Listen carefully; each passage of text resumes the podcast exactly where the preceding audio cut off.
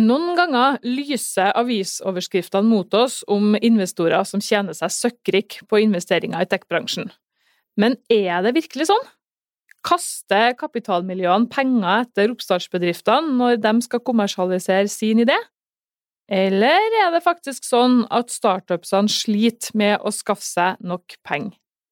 Jeg er usikker, og i dag har jeg invitert hit Arnstein Hellem, mangeårig bankmann og en av ildsjelene bak Folkeinvest, til å snakke om akkurat det. Velkommen til Teknoport sin podkast.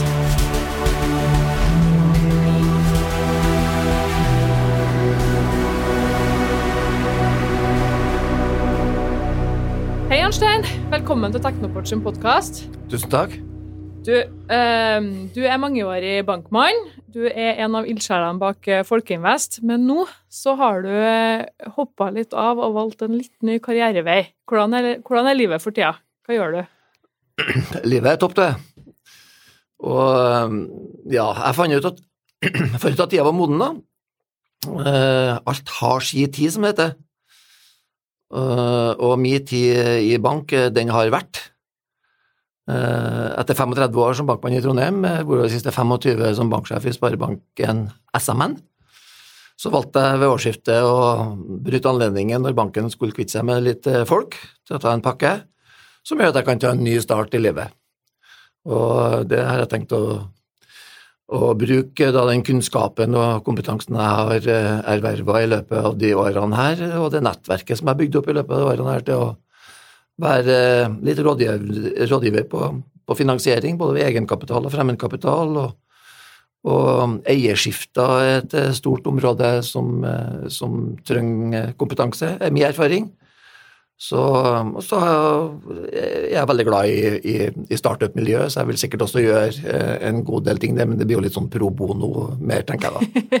men det er jo litt derfor eh, jeg hadde lyst til å invitere deg her i dag òg, fordi at du det er jo veldig mange som kjenner deg, Arnstein, og du har jo et stort nettverk, og du er jo kjent for å være en ordentlig ildsjel for Trondheim og for startup-miljøene og for kommersialisering.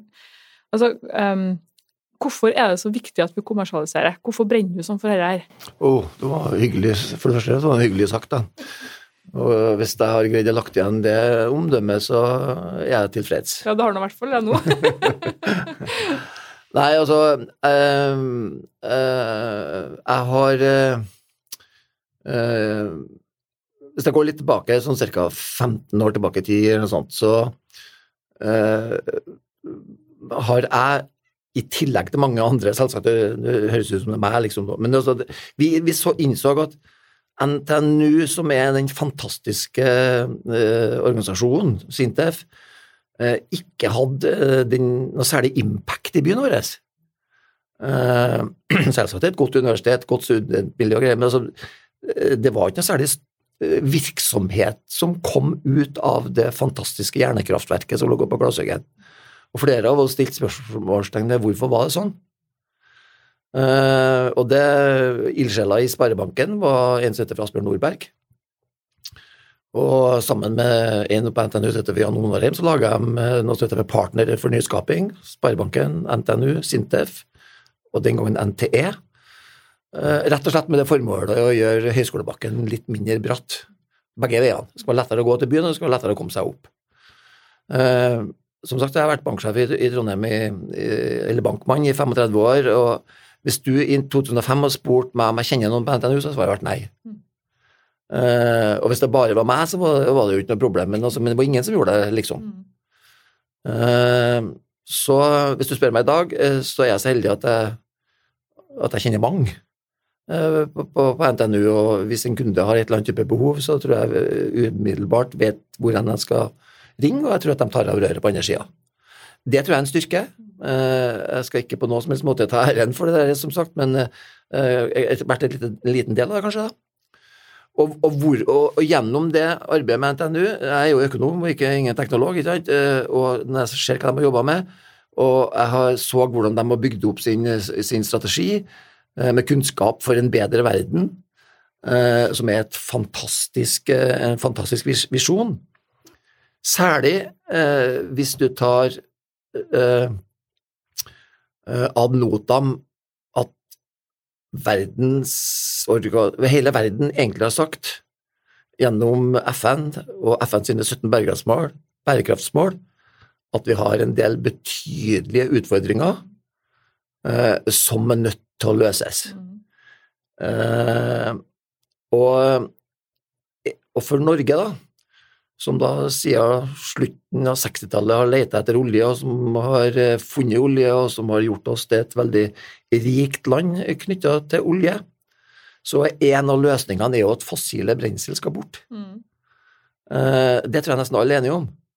Og, og oljealderen den tar jo ikke slutt pga. mangel på olje. Nei, like det, lite som, den bør jo ikke det, da. nei, altså den, den, den, kommer til å ta slutt for at vi finner andre teknologier. Steinalderen tok jo ikke slutt pga. mangel på stein. ikke sant? Nei, jo ikke det. Nei.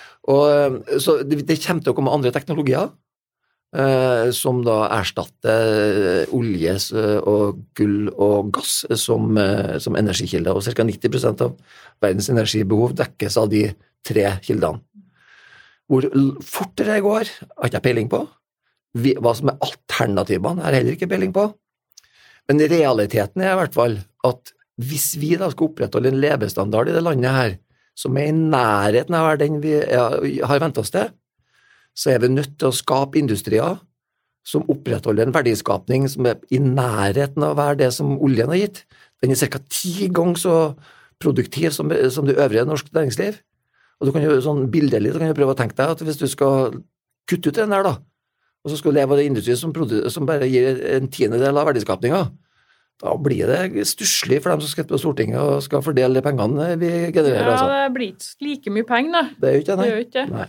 Og vi har et lite oljefond selvsagt da, som, eh, som eh, vi, vi, kan tære på for at vi har vært kloke eh, og husholdert ordentlig med mm. pengene. Men allikevel så er, så er jo humankapitalen betydelig større enn den finanskapitalen vi har.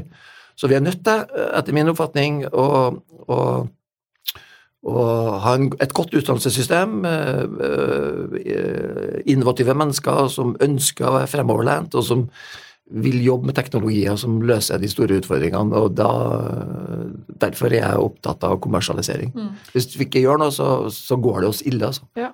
Det, det, er egentlig en erkjennelse av at uh, ting skal endres i årene framover, og vi skal ha noe annet å leve av ja. som gjør at du tenker at her må vi få en kraftsatsing eh, på, på forskning og kommersialisering, egentlig? Ja. Det er det, er, altså det, så, så, Når du har barn, sant, så vil du jo gjerne at de skal arve en, eh, en, verden som er minst like god og med de samme mulighetene som det min generasjon har vært så heldig å ha. Og det, det kommer ikke av seg sjøl, det er vi nødt til å gjøre noe med. Ja, hva skal, altså, vi, hva skal vi gjøre med det da, Arnstein? Nei, altså, jeg, jeg, jeg, mener, jeg, mener, jo eh, Og da blir jeg jo Jeg har ikke, nesten ikke hørt en eneste som har vært enig med meg, da, men jeg kan jo få lov til å mene det likevel. Nei, jeg mener at eh, vi har jo bygd opp en formidabel formue knytta til, til, til, oljevirksomheten vår. Og hvis vi tar øh, øh, på alvor de truslene som vi står overfor, Altså, jeg er jo ikke i stand til å vurdere eh, Men jeg må bare forholde meg til, til kunnskapen, eh, og så kan jeg jo se litt sjøl. Eh, altså, vi, altså vi, vi, lever tre minutter uten luft, og når Verdens helseorganisasjon sier at 94% av verdens befolkning puster helseskadelig luft, så trenger ikke være rakettforsker for å si at da må vi gjøre noe med det. Men vi gjør jo ikke det av betydning. Altså, det døver flere av luftveissykdommer enn hjerteinfarkt og kanser til sammen. Altså, vi lever tre dager uten rent vann. Uh, og, store deler av verdens befolkning har ikke tilgang på det, og det kommer til å bli et ytterligere eh, reduksjon. Ikke sant? Da må vi, jo, vi må jo løse det på en eller annen måte. Om det er, hvordan vi skal løse det, om det er med, med mer fornuftige avsaltningsmetoder eller hva som helst, det vet ikke jeg. Men det er jo løsbart, tenker jeg. Uh, vi lever 30 dager uten mat. Og så har vi en verdikjede. Altså, mat har vi jo hatt siden tidenes morgen, skal jeg si, sant? men allikevel så greier vi å ha en, en, så imperfekt matverdikjede at 30% av det vi produserer, kastes før det kommer inn i munnen til folk. Samtidig som vi, eh, folk er sultne. Det, der, altså det, det, det, går ikke an. Altså, vi utrydder arter i en, i en hastighet som ikke ligner eh, noe som helst. Vi, vi, vi, kaster 15 tonn med plast i havet per minutt. Eh, sju dager i uka, 365 dager i året. som gjør åtte millioner tonn. Jeg blir snart pessimist da, altså. Ja, men jeg er jo ikke for at jeg, jeg, jeg er teknologioptimist. Ja. Altså, alt det der er løsbart. Altså, hvis de erkjenner at krisene er der, altså, eller at det er sånn. Altså, vi hadde Starmus her i Trondheim øh, i 2017, hvis ikke jeg husker feil, som var et fantastisk arrangement, og da skulle jo Stephen Hawking være, være her. Eh, han var jo ikke det spilte ingen rolle, for han var på Link, og det er jo egentlig det samme. Eh, men, i han, men han ga jo Han ga jo altså verden bare 100 år. Altså, nå har vi nettopp landa på Mars med en rover, ikke sant? og det er jo for at vi skal erobre verdensrommet. For vi er nødt til å bygge oss en ny plass for at vi skal ta vare på de flotte genene til mennesket. Om de er så flotte, kan vi jo diskutere, da, eh, når vi har gjort det vi har gjort. Men altså, da, da var det en på Starbucks som sa da at i stedet for å bruke så forferdelig mye penger på å bygge oss en ny jord en eller annen plass ute i verdensrommet, kan vi ikke heller prøve- å bygge om jorda til å bli jorda igjen, da? Så det må være mye billigere. Ja, veldig sirkulært òg. Ja. Ja. Så hvis vi tar de grepene som er nødvendige eh, Og da var det det kontroversielle synspunktet kunne jo være at vi tok eh, 25 av oljefondet, da, som er 2500 milliarder kroner, eller litt mer i dag. Mm. Og så satte vi inn i et forskningsfond som heter Horizon Norway. altså Det heter Horizon Europe mm. når vi går ned i Europa. Vi kunne ha altså laga et forskningsfond som er større enn Europa, vi. Og det er ikke for at, det er ikke for at jeg mener og tror at vi har greid å håndtere den forskninga alene i det lille landet her, men vi kunne ha brukt samme tankemåten som vi brukte når vi bygde opp oljeindustrien. Så kan vi altså lage Norge til en samarbeidspartner med verdens beste kunnskapsmiljøer, der vi har definert forskningsprogrammene, og så har vi brukt penger på verdens beste forskere for å ha løst spesifikke problemer som verden sier er så stor. At, hva i verden skal vi med 10 000 milliarder på bok hvis eh, Stephen Hawking har rett, da? Ja. Altså, nå, nå fikk du meg litt fra å gå fra pessimist til optimist, egentlig. For nå tenkte jeg jo med en gang at dette her høres jo egentlig fryktelig enkelt ut. La oss bare gjøre det. Men du, vi må, vi må, jo, vi må jo snakke også litt om eh, det som er bakgrunnen din, eh, Arnstein. Ehm, du kommer jo fra, fra bank og er økonom og finansverden. Og eh, finansfolk spiller jo en rolle i å få til kommersialisering. Altså, vi trenger penger for å få disse selskapene eh, på fote. Hvilke erfaringer har du gjort deg eh, med å jobbe med dette altså tilgang på kapital? Eh, Du er en av ildsjelene bak Folkeinvest. Er det et problem i dag at, eh, at startupene ikke har nok tilgang på penger? Ja. Svaret er uomtvistelig ja på det. Hvorfor er det sånn? Ja, for at, det er for at risikoen knytta til startups er så stor at eh, det er ingen som er villig til å ta den eh, risikoen fullt ut. Er det litt sånn norsk fenomen? Nei, eh, det er det ikke, men eh, det går an å lage virkemidler, tror jeg, som kan være med å avhjelpe det til en viss grad. Du sa jo at jeg er en av co-founderne av Folkeinvest. Fortell litt om Folkeinvest. da. Ja, altså det det, det, det, det dukka opp på en studietur eh, I mitt hode så dukka det opp på en studietur i, i England, der, der de hadde starta med crowdfunding. De har et stort crowdfundingselskap som heter Seeders. Som er ganske suksessrikt, og som jeg er helt sikker på at Folkeinvest også blir. Og for så vidt er. Ja, ja, jeg skulle til å si det. Det men, er jo eh, det. altså, det, Ja. det, er, det er suksessrikt i dag. Mm. Eh, Jeg kan jo røpe en hemmelighet. eh, Selv om det spilles, så er det jo kjent, da. Men i dag så går det ut en pressemelding om at vi inngår et strategisk samarbeid med Polaris Media. Det vil jo være med å løfte Folkeinvest til helt nye, tryggere og høyere høyder, skal jeg til å Ja. si. Vi får jo tilført da betydelig med kapital. Eh, De får eh, litt over 20 eierandel. Og de gjør jo dette for at de da ser eh, hva Folkeinvest har som potensiale. Og potensialet er jo, eh, etter min oppfatning, enormt. Og det, poenget er jo at vi skal bruke eh, folket til å involvere seg i verdiskapinga, nettopp med bakgrunn i det som jeg sa i stad. Altså Folket må sjøl ta ansvar for at vi greier å lage de industriene som gjør at vi får de gode arbeidsplassene. Du kan ikke bare rope at noen må. Mm. Hvis jeg går til en rik mann og spør om du kan bruke noe av pengene dine på en startup, og han taper dem etterpå, så syns ikke han at det er en sånn veldig hyggelig altså Han vet at det er risiko, men han syns ikke det er særlig artig allikevel. Eh, og i og med at risikoen er så høy, og, vi, og det, selv om vi har en hel brotta med flinke folk som skal plukke ut de beste casene, så vet vi jo at det er bare én til to av ti som lykkes, ikke sant? Mm. Og um, da eh, er det rett og slett å bruke forsikringsprinsippet. Hvis mange bekker små blir en stor råd. Mm. Så de første pengene, og det er de vanskeligste pengene, Eh, tradisjonelt så har de blitt henta av det som vi kaller for Friends, Fools and Family. Jeg liker ikke å ta med fools, men Friends and Family. Uh, og da er på en måte Folkinvest Friends and Family, altså i utvida forstand. For det er ikke alle sammen som en onkel og tante og en bror eller søster eller noe som kan være med og hjelpe deg til, til, til den den gode ideen som du måtte ønske å realisere, da? Ja, jeg tenker at den, den eh, Altså, eh, det å være en enkeltperson med noen kroner på bok, og du ønsker å investere dem, tryggheten i å investere dem oppleves jo som høyere når du gjør det gjennom et virkemiddel som Folkeinvest, kontra at du gjør det på egen kjøl.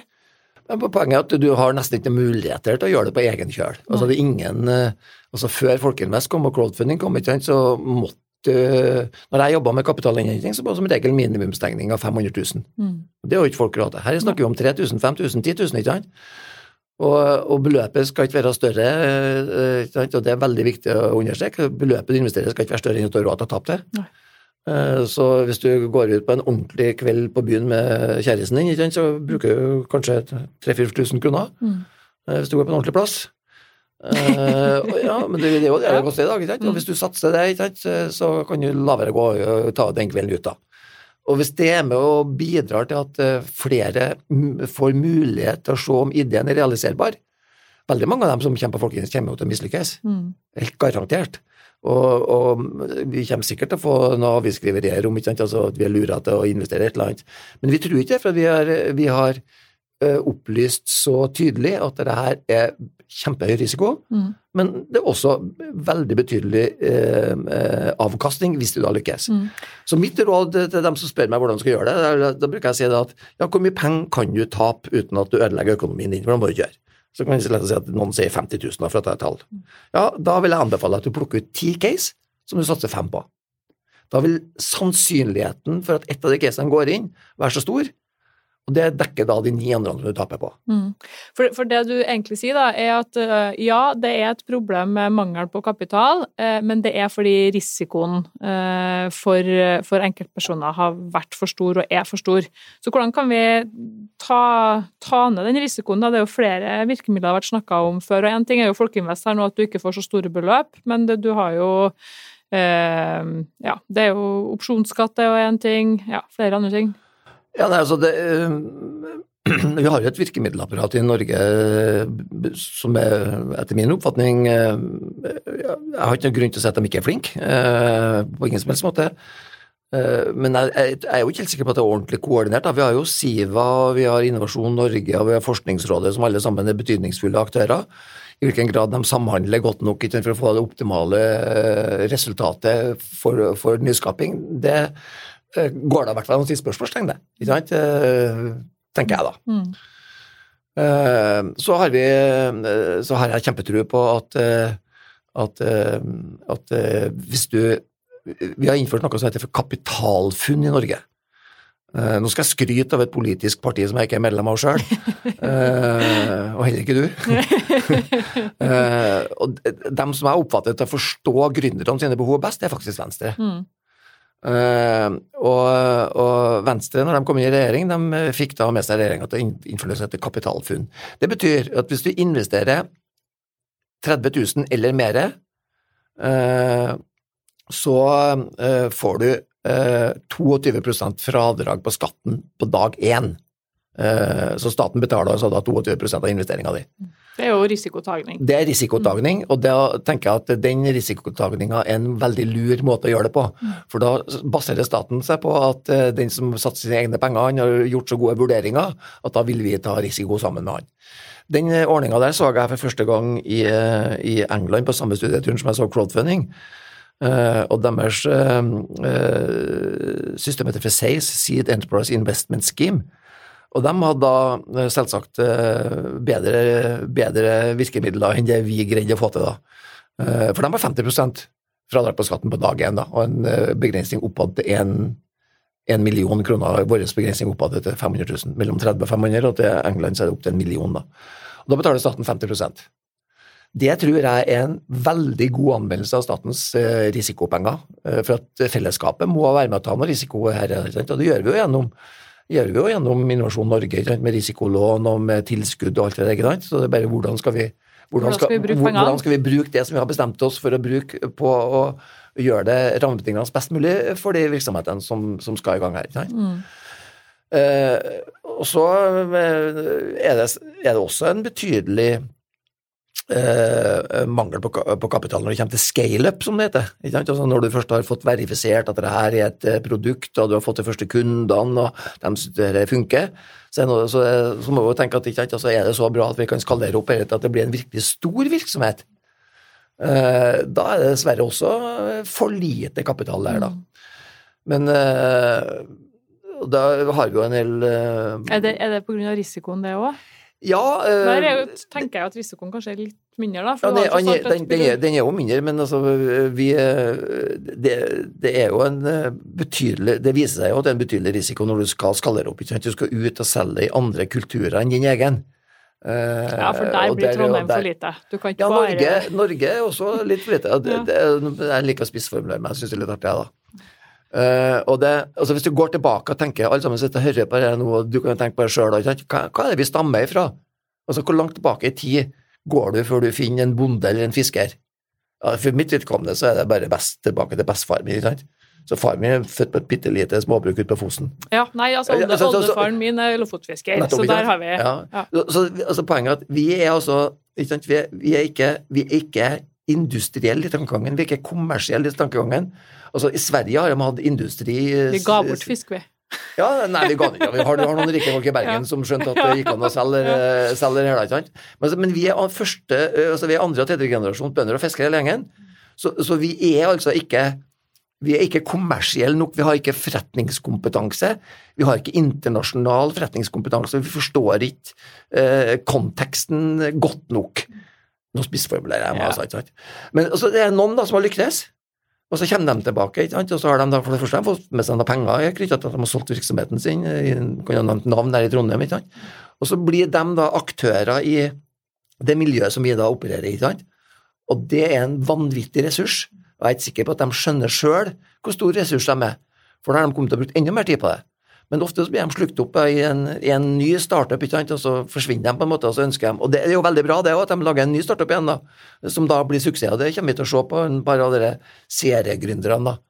Men eh, jeg ønsker at de skal legge igjen mer av nettverkene, kunnskapen og erfaringene sine, sånn at vi kan være med å bygge bedre. Mm. Det er jo noe av det man har tenkt å få til gjennom eh, det flotte tiltaket som heter for Techwitty Cluster som da er kapitalmiljøene som har slått seg i lag i, i, i, i Trondheim. ikke sant? Og her vi nå sitter, i Teknoport, så var jo det ideen òg, når, når Teknoport ble etablert. ikke sant? Altså, Hvordan skal vi vise frem eh, Trondheim? Altså, Hvordan skal vi skape interesse for Trondheim? Hvordan skal vi få de dyktigste studentene til å si at jeg ønsker å studere i Trondheim? Hvordan skal vi få dyktigste ph.d.-ene, hvordan skal vi få dyktigste professorene til å si at jeg må til Trondheim, for der skjer det noe som er så spennende. Uh, og realiteten er jo at det er sånn. Altså, du sa at jeg var pessimist i stad. Jeg er absolutt ikke pessimist. For at hvis du ser tilbake, på hva vi har fått den lille byen her, altså hvor mange, uh, hvor, mange, innovasjoner som kommer fra byen her, som har hatt world impact, GSM-teknologien, ultralyd, uh, søkemotoralgoritmer, flerfaseanlegg, Ugerstadkula, dynamisk posisjonering, you name it.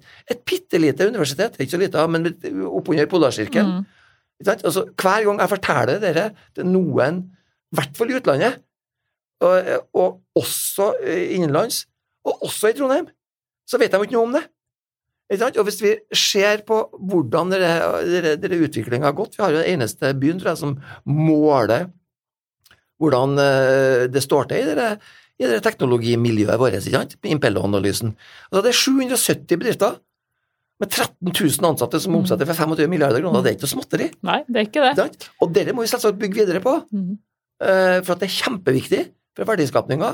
Og det er arbeidsplasser som er i stand til å betale relativt høye lønninger, som gjør at vi greier å opprettholde den levestandarden som vi, som vi ønsker oss å ha. Eh, så, så nei. Det, det, ser jo lyst ut, egentlig. Altså, det er bare at vi kanskje må ha litt mer sjøltillit, da. Ja, og så må vi slutte å snakke ned hverandre. Ja. Ikke sant? Altså, det, jeg blir for nella, som det heter på godt namdalsk når jeg leser aviser, at vi stiller spørsmålstegn om vi er teknologihovedstaden. Hvorfor svarte skal vi gjøre det, da? Det er klart vi er teknologihovedstaden. Ja. Altså, 80% av Norges befolkning ser utvunget til at det er Trondheim som er teknologihovedstad. Men da må jo sånn at vi begynner å si at ja, men vi er ikke veldig gode. Vi er jævlig gode. Vi er det, vi er Ja. jævlig gode. Er jævlig Men gode, du, helt på slutten Har det gått for eh, fort? Her, er fordi at du, du, Nå har du jo kommet med mange suksesshistorier, egentlig, på hva Trondheim eh, har fått til. Men du har vel fått til noen suksesshistorier sjøl, du ikke? Ja, da skal jeg prøve å avslutte som en myk mann, da.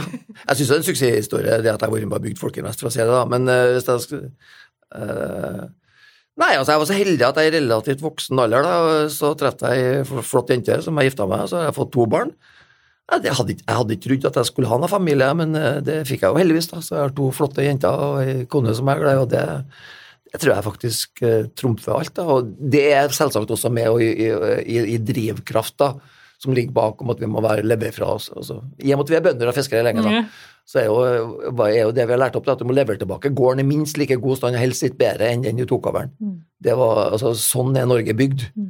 og, det, og sånn må Norge bygges. Mm. Eh, Min generasjon, inkludert meg sjøl, altså, vi spiser jo begge endene. For det første så spiser vi av framtidens pensjoner, så har vi spist opp arven etter foreldrene våre, så, så har vi tjent godt uh, sjøl. Så, vi, så vi, er en, vi er en relativt rar generasjon, den akkurat den jeg representerer. Og når også resultatet er at vi holder på å ta rotta på jorda, da, Mm. så går det an å sette seg ned og reflektere over eh, hva er det egentlig du har vært med på.